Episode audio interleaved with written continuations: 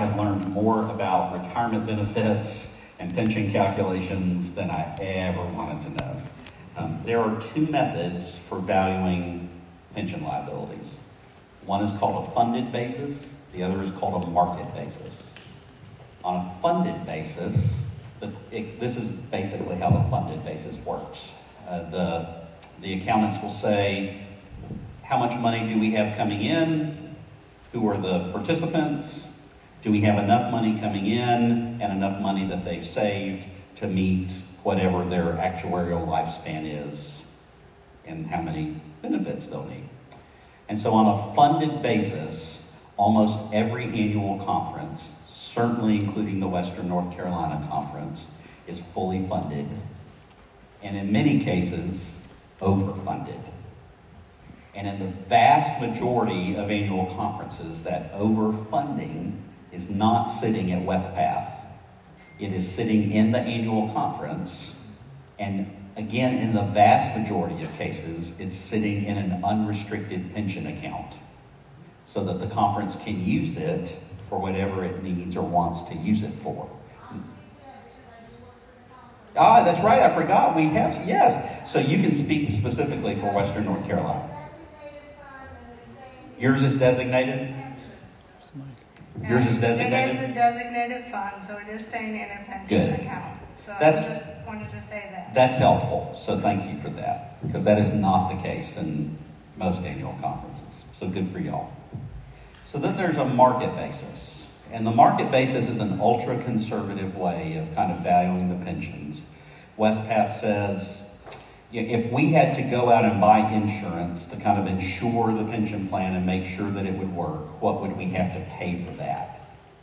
And kind of what the underwriters of that insurance, if they were to purchase it, would say is, well, what's the worst case scenario? And under that kind of worst case scenario, it would be no money coming into the pension system. So basically, every United Methodist Church ceases to exist, so there's no money coming in. But somehow, every participant and his or her spouse lives and lives to their absolute maximum actuarial lifespan. So, no money coming in, only the money that's currently in the plan to pay the maximum benefits. And under that scenario, almost, actually, I believe every annual conference is underfunded, and significantly so the, the paragraphs regarding disaffiliation require this market basis valuation to be used. We can debate that. I actually would, but it's pointless because General Conference has set this market basis as the, the way it's determined. So the market basis is affected on a whole lot of things. Uh, a lot of it has to do with the equity and bond markets. So as stocks go up stocks go down, that affects the values. As interest rates go up and interest rates go down, it affects the value. And a lot of us were kind of curious to see what was going to happen because the stock market has been pretty bad this year, essentially in a bear market. But interest rates have gone up. And so we were going to be, we were kind of waiting to see how that would affect. So I, I talked with my friend Martin Bauer at Wespath, and Martin kind of explained it this way to put it in simple terms. He said for every 1% of negative worth that the stock market affects the plan as it declines, an interest rate increase of 1% is seven times to the good of that 1% of decline in the stock market. So the interest in other words, the interest rates affect it far more than the performance of the stock market not being so good this year. So the result of that has been the denominational market-based pension liabilities have gone from 2.6 billion to 1.35 billion as of July 1st, which is really good. They get officially recalculated and the, the information gets sent to the annual conferences as of September 1st. Have y'all received your letter yet for September 1st? Do you know? Not yet? Okay. Do you all ask for it to be recalculated each month or each quarter, or do you just get a quarter? Okay. So here's the other trick. Um, Wespath will update that figure monthly if your conference asks, or quarterly if your conference asks, but they have to ask. So it only officially gets, the new number gets given to them on September 1st. Sounds like Western North Carolina is asking for it quarterly, which is good. Um, so you should hopefully get the benefit of that. But my guess is you're going to need to ask because what has happened in some annual conferences, Indiana is an example. So the Indiana, Indiana conference said, no, we know that the pension liabilities have come down in half, but we're not going to let you have those better numbers because the churches that disaffiliated before you paid higher numbers, and that wouldn't be fair to them if we give you the better numbers. To which we asked, well, Bishop Trimble, if the numbers went up, would you charge us the higher numbers? Oh, well, yes, of course. so you you need to personally have your church contact your district superintendent and confirm that the most recent numbers that should be as of September 1st have come down. Now, the interest rates, actually, they ticked up a little bit in, I mean, ticked down a little bit in August, but uh, Martin told me not so much to really affect anything. But they have come down in half, and you want to make sure that you're going to get the benefit of that. And if, hopefully you will, Florida is, I can say that for sure in Florida. So my hope is if Florida is, you all are, since you share a bishop I'd still get it in writing in an email from either your DS or someone else that can officially be about that, that be clear about that. Because not every conference is given the benefit on that.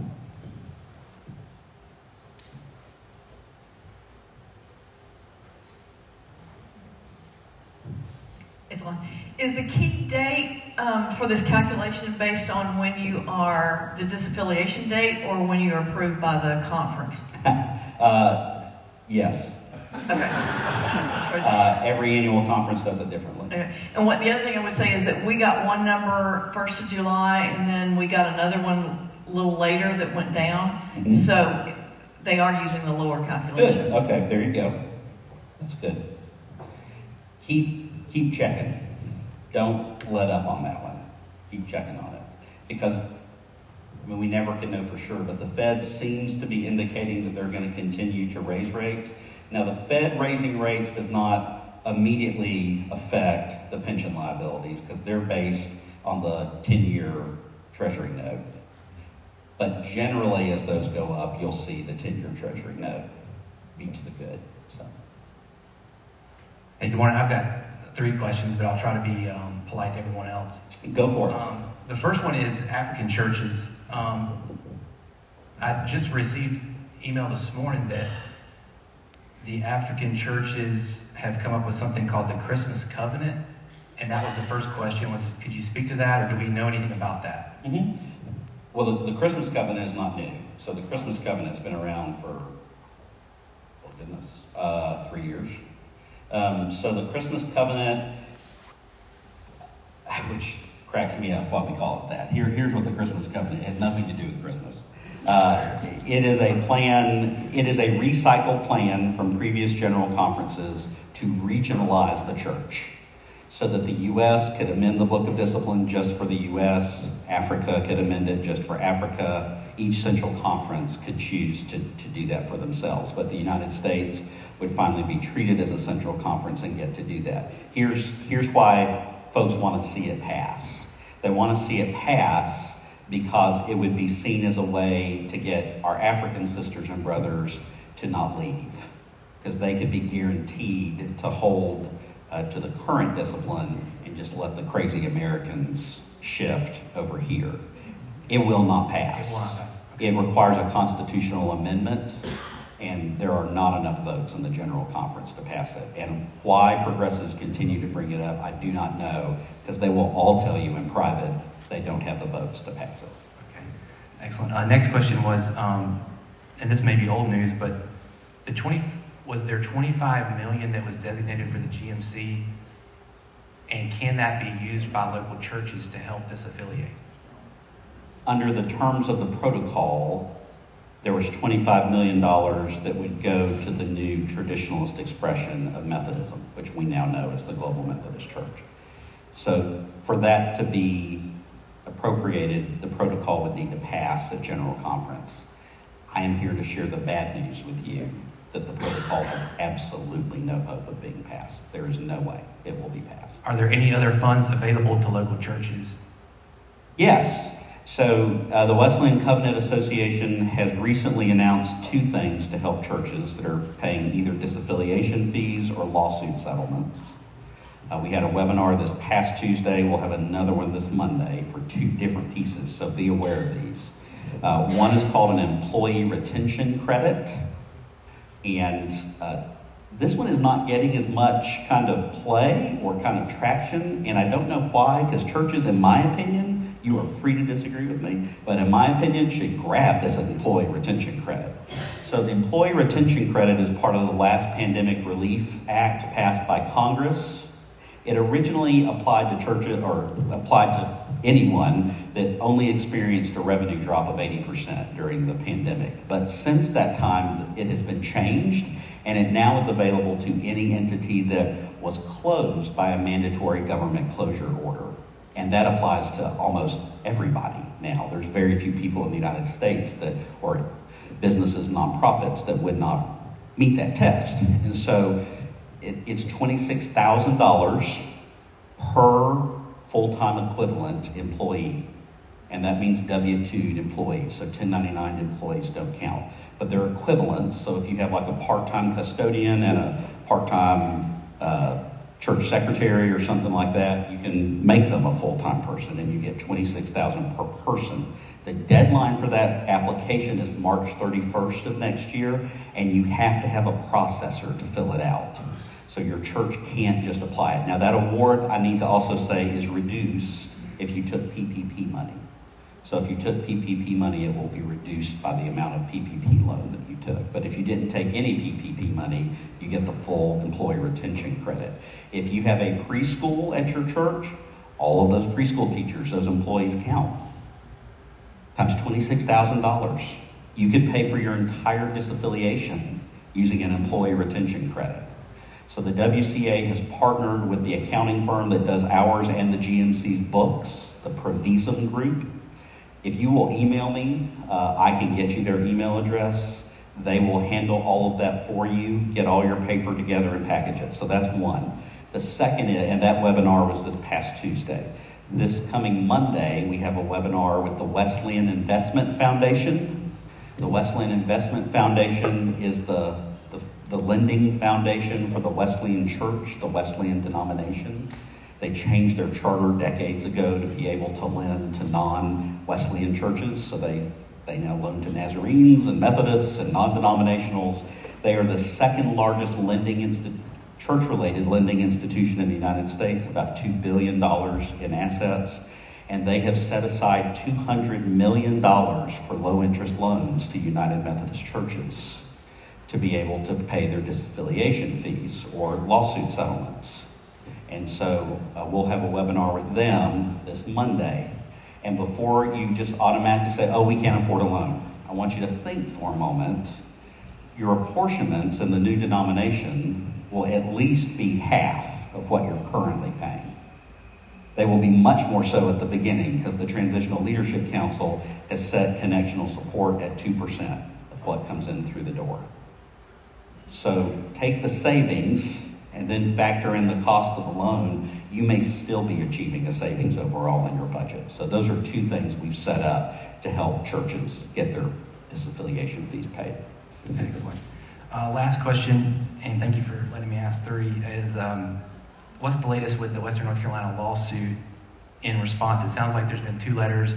The letter sent to the conference, and then the response letter sent back from the conference to the churches and what's what's the next step from there? So I I can give you what I generally know because I am of counsel to the NCL. I happen to be a lawyer as well, and so uh, I, for free, volunteer my time as an of counsel just to give them advice on polity matters, so that they, because David and Jonathan are Methodists, they're really good, but they're not perfect. So uh, we'll forgive them, but they are Christians and, and men of very deep faith. Um, so I, let me, probably this is the better thing to answer your question. I will take you through where Florida is right now because they're a couple months ahead of you, and it will be very similar to what happened. So, first demand letter went, which was a 30 day demand letter. And at the end of, and of course, that you know the process because a bishop is shared. Bishop says, "Oh, who is the NCLL? We don't know who you are. Uh, we've never heard of you. What is this?" Uh, did you really hire them? We don't think that really happened. Could you please confirm to your district superintendent that you really did agree to, you know, to hire them? Uh, it happens, you know, it's a standard playbook that Carter has created, and now other bishops are following in other annual conferences. So then that happens. No, uh, the NCLL has absolutely, I know this is taking place in Western North Carolina, has said, hey, we'd love to sit down and mediate. Before, let's not sue. Let's let's work this out now. So that has happened here. Uh, Carter's response is nothing. So at the end of the 30 days, uh, a second demand letter is sent to say, okay, we need this. We, we're going to pull the trigger. You got 10 days. Let's talk before we do that. Has your 10 day letter been sent, Carrie? Well, September 15th. So next week, your 10 day letter will go. Yep. So I can tell you now, the moment that letter goes out, friends, to the conference, um, Bishop Carter will send another missive out. What have I talked about this morning? What are you not going to do when he does it? Don't take the bait. He's going to scare you. You're not good Christians. You are bearing false witness. You are destroying a church. You are keeping orphans from being fed, and you are keeping widows from getting health care. I'm not kidding. He said that in Florida. Um, he will say that here. You're not, and it's okay. Don't freak out. And you don't need to call Jonathan and David uh, to do that. You don't have to send Carrie 50 text messages. Um, it'll be okay. Just let it go. Don't take the bait. After that, they'll file the suit. Once the suit is filed, Here's the part I don't know in North Carolina. In Florida, I'm not a North Carolina lawyer. In Florida, the defendants get 60 days to answer the complaint. It's probably something similar in North Carolina. So Florida's 60 days will uh, hit on September 21st. So we've yet to receive an answer yet. And by the way, the NCLL has now twice since the suit has been filed said, hey, Florida, let's talk. Let's sit down and mediate. Let's not do this. The answer has been no. So Florida is expecting the answer probably Monday, September 19th. They won't wait until the 21st. That'd be malpractice, but probably Monday the 19th. So here's what will happen next. After that, then discovery gets served. And that's where the leverage comes in, friends. When requests for depositions, for requests for all sorts of records, for interrogatories, for admissions. So in the Mount Bethel case, uh, Mount Bethel demanded over 100,000 documents from the North Georgia Conference. And Bishop Sue Haupert-Johnson is on record as saying the thing that brought her to the negotiating table was when she realized that it would take the entire conference staff months to put those truckloads of records together and that the conference would come to a grinding halt.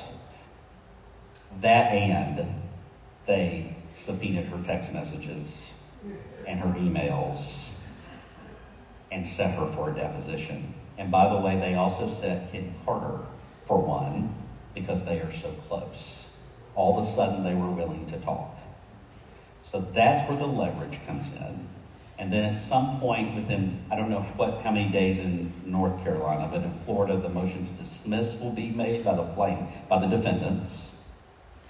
And then there'll be a hearing. Florida probably 30 to 60 days after that motion to dismiss. I, friends, I'm sure probably the conference will win some of the complaints on the motion to dismiss. They're not going to win them all. And the, that we just need one to get through. So they may win some. And if they do, it will get trumpeted from Mount Olympus. Don't take the bait. Thank you. That's what's coming. I, I just want to say that a group of three of us met with the bishop in March. That's right. And we, we tried to preemptively uh, ask for uh, an amicable way to move forward. So we, we started trying to mediate earlier this year. Well, I mean, let's be honest. I met with your bishop in June of last year, of 21, and asked if he would be open to putting uh, 2548 comity agreement together for the state of Florida. And he was open to it then, you know, it, it all changed. But, yeah. On the employee reduction grants, are they, are those funds restricted in any way when you receive them? They are not restricted. Now, again, March 31st deadline takes about six to 12 months to get your money from the IRS. So do it now. Uh, go, you know, get, and our group will do will handle all that for you. Um, so do it do it now. If you'll email me, I'll get you connected. Doug Miller, clergy. I was just going to ask about looking forward to 2024. Uh, one of the things with the protocol dead, is there going to be any exit ramp that, or is it impossible to know at this point? Is there has there been a new protocol suggestion or? There is no new. So the question is, what will happen? Basically, what will happen in 24? Um, everyone agrees the protocol is dead. Uh, I mean, it, it is in legislation form and will certainly be before the general conference. But I can just assure you, progressives will never give the Global Methodist Church $25 million. Uh, it's just not going to happen. Um, 2553 will have uh, sunset by that time. So the only exit ramp available when General Conference starts will be a closure under paragraph 2549, where the church closes and either walks away from the building or has to negotiate the price of its property to buy it. So then the question is, well, can we get some sort of exit provision passed at General Conference? And my, I, I want to first start by saying I am an optimist, but I'm not optimistic about that. And here's why. So people, understandably, but kind of uh, wrongly, think that because Africa now has the majority of our laity, which is true, that they'll have the majority of the delegates at General Conference. That is not true.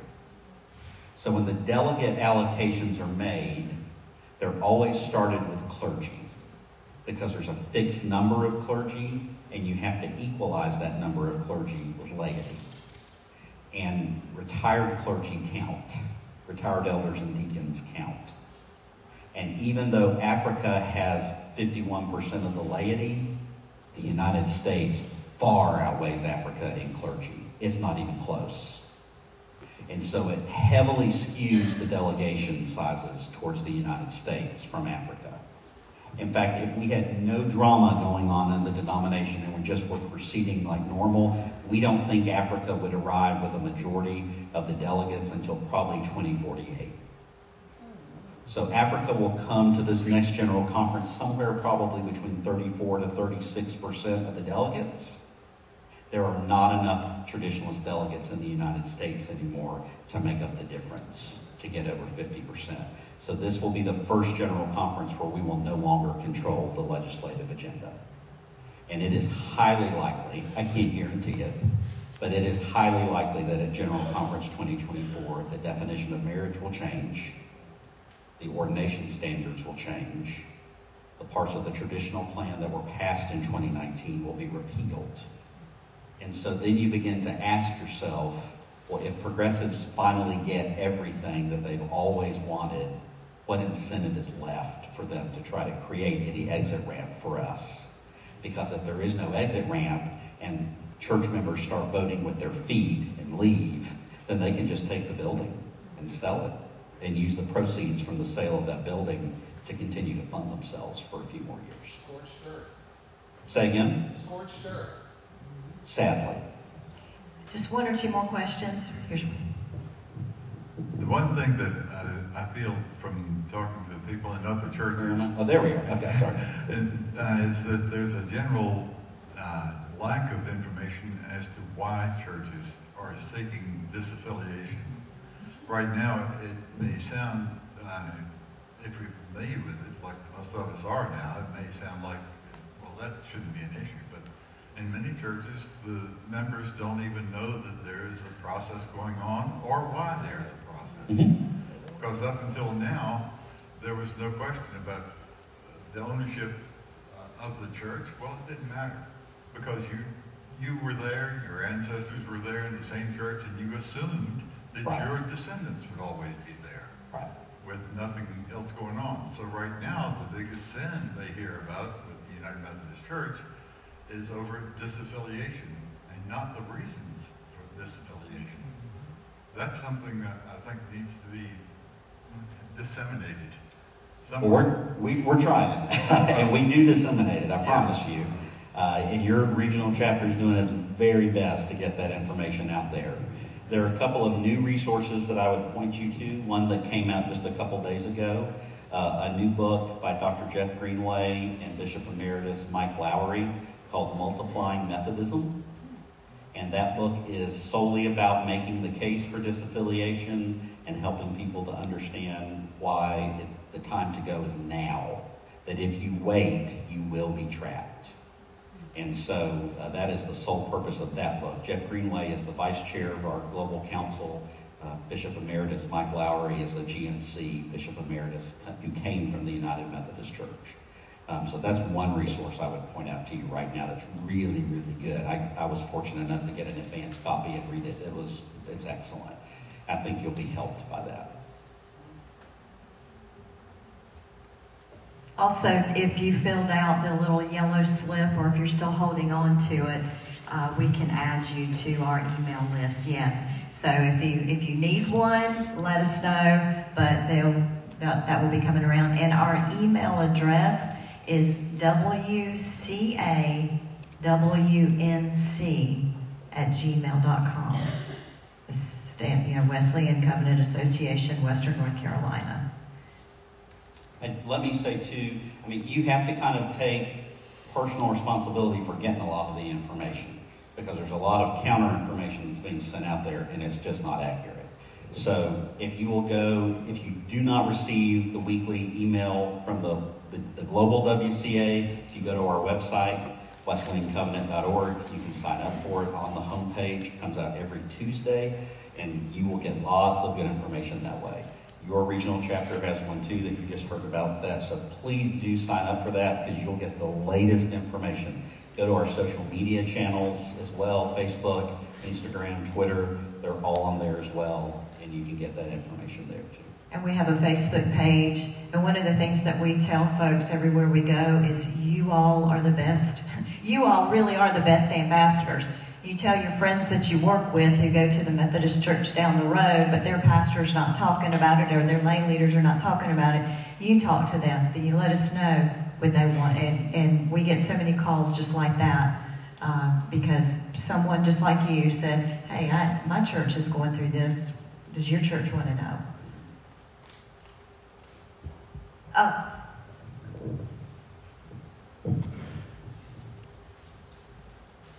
Just a quick question, and that is, we ask for our number, like what is what would be our unfunded pension liability.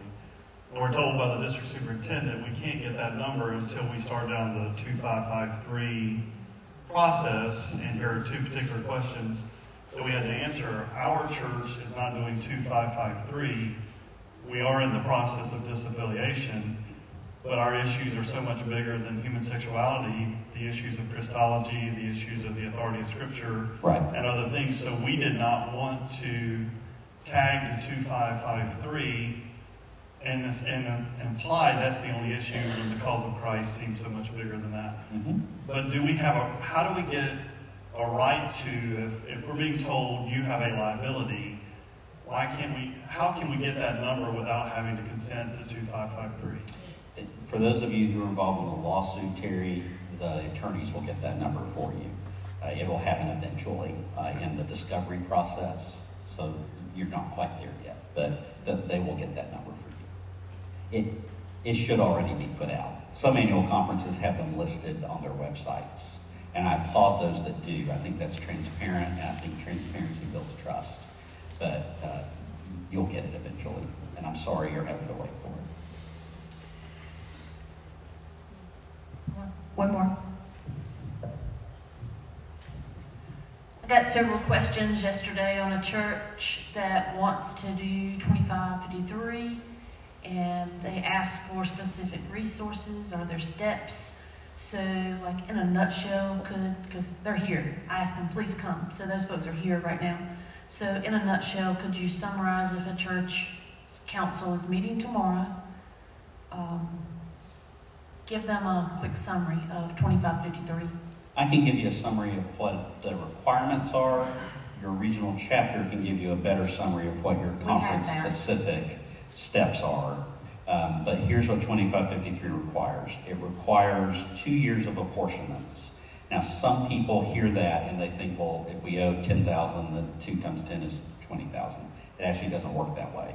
So it's whatever your date of disaffiliation is. Let's say, for argument's sake, it's July 1st of 23. You would owe the 12 months before that date. So if you've already paid them, you get credit for that. So you don't have to pay them again. And then it would be an additional year's apportionments after that. And then you have to pay your pro rata share of your church's unfunded pension liabilities, which is what Terry was talking about a moment ago. And so you'll, as you start that process, I'm sure someone through the conference, either district superintendent or someone else, will give you what your pension number is. Um, and once you have that, that'll basically be it. Now, the the provisions of the paragraph also state if you have some sort of an outstanding loan or obligation to the conference or the district. I don't know if y'all do that in Western North Carolina. Some conferences do, some conferences don't. Uh, if you have an outstanding loan, then you'll need to pay that too. Now, that's to the conference. That does not mean if you have a loan at a bank or the foundation or anything like that. It's just if you borrowed some money from the district or the annual conference. Jay, our conference is also including grants made to the churches by Western North Carolina. or the districts for ten years. 10 years for both Yes. district and conference? Okay. So you, uh, your conference has added, conferences are allowed to add, the judicial council has ruled to add provisions. So if your church has received a grant of some kind from either your district or your conference for the previous 10 years, then that will need to be repaid as well. That, that is correct. That's an additional piece that's true in Western North Carolina that's not true everywhere. That won't affect every church, by the way. Okay. Um, I don't know if you still want or not, but there's one over here. All right, and, and if we, if we take one or two more, we, we do need to stop, but I know Jay will, will be happy to answer um, a couple Yeah, more after we finish, so, uh, let's see. I was a little late coming back from the break, and if I'm repeating the question, I apologize. But Okay. how close are we to getting the Global Methodist Church recognized as a denomination by the conference? That's a great question. Thank you for asking that. Um, so, uh, forgive me because I get a little cynical about this. Um, our bishops have loved to say, oh, well, the Global Methodist Church is not officially recognized. Uh, and the Judicial Council has now ruled, I would argue to you made up out of whole cloth, that the only body that can do that is the Council of Bishops, and then that their recognition must be ratified by the General Conference. Honestly, have no clue where they got that from, but that's what they ruled in their most recent ruling. They justified it. I just, I'm not persuaded. Um, so, in terms of the United Methodist Church recognizing the Global Methodist Church, it can't happen. The earliest it could happen is 2024 because the Council of Bishops would have to recognize the GMC, and then the 24 General Conference would have to uh, ratify it. Here's the thing I assure you, the Presbyterian Church is a denomination regardless of what the General Conference or the bishops of the United Methodist Church say. I'm real sure the Baptists are, and I also am sure they could care less. I'm real sure the Lutherans and the Episcopalians and the Disciples of Christ and the Christian Missionary Alliance and the Nazarenes and the Free Methodists and the Wesleyans and the Salvation Army, they just, I promise you, they could care less if the Council of Bishops has deemed it worthy enough to recognize them. The Global Methodist Church began on May 1st of 2022. It has a polity, it has a leadership team. It has hundreds of clergy. It has hundreds of churches. It is active on four continents North America, Europe, Asia, and Africa. It is already receiving new members. It is baptizing people. It is serving Holy Communion. It is meeting people at their point of need and leading them to Jesus Christ. If that is not a denomination, then I don't know what is. And to say anything else is just petty and absolutely shows the character of the people that are saying it. Sorry, I got to preaching. I think that's a great note to stop. All right. All right.